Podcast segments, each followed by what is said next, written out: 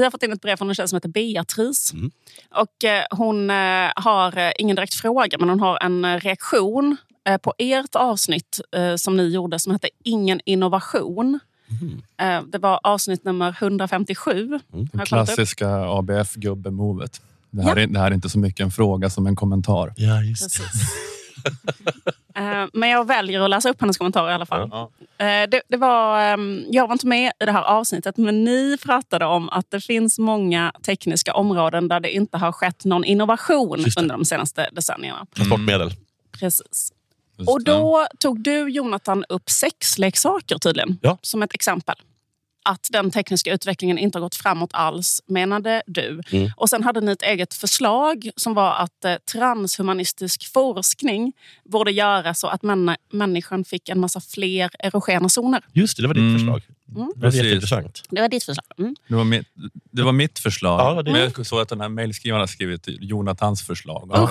Men det var Så, ditt förslag. så det kändes tydligen som att det var Jonathans förslag. Vad- det, det kändes äckligt på något sätt. Ja, eller för, kreativt för att vara jag.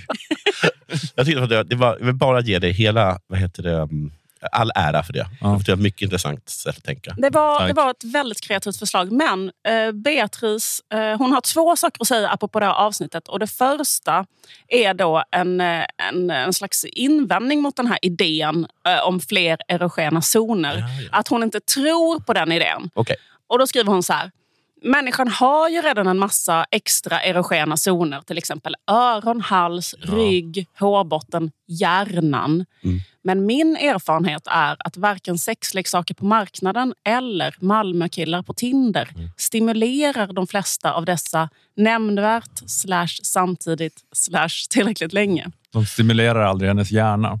Nej, det kan man Nej, tänka sig. nej. Malmökillar på Tinder. Det kan man tänka sig. Det är Är, inte är, heller... är hjärnan en erogen zon på det viset? Eller vad, vad, Jo, det vad betyder det? faktiskt Jag förstår, vad jag, förstår, jag förstår vad jag menar. Det, det man menar är väl att... eh, Det är svårt att tänka sig hur någon... Eller, det är väl att, att om, om man själv eh, tänker på något sexigt Mm. är, en, är det ett sätt att komma igång. Ja, Men, ja.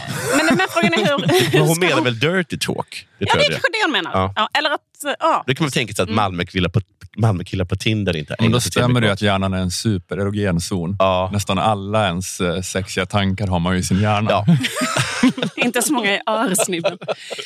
Men. Då Det är så himla mycket sex i hjärnan. Malmökillar är för dåliga på att säga Ja. jag är läkare.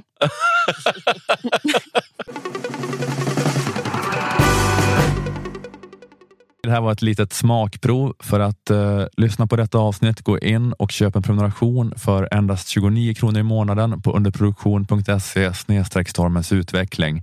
På underproduktion finns också info om hur du gör för att lägga in prenumerationsfiden av Stormens utveckling i din poddapp, eh, vilket är att eh, föredra för smidigt lyssnande. Och när du har gjort det så behöver du då inte den här gratisfiden som du är i nu eh, eftersom att även gratisavsnitten dyker upp i prenumerantfiden. Och går du in på underproduktion.se appar så finns det eh, pedagogiska videoguider för eh, de olika apparna. Du kan välja vilken som är din favoritapp som du använder och så finns det en videoguide där för hur man lägger in eh, prenumerantfiden i sin poddapp där. Och får man ändå inte rätt på det så kan man alltid mejla till support underproduktion.se för snabbt svar.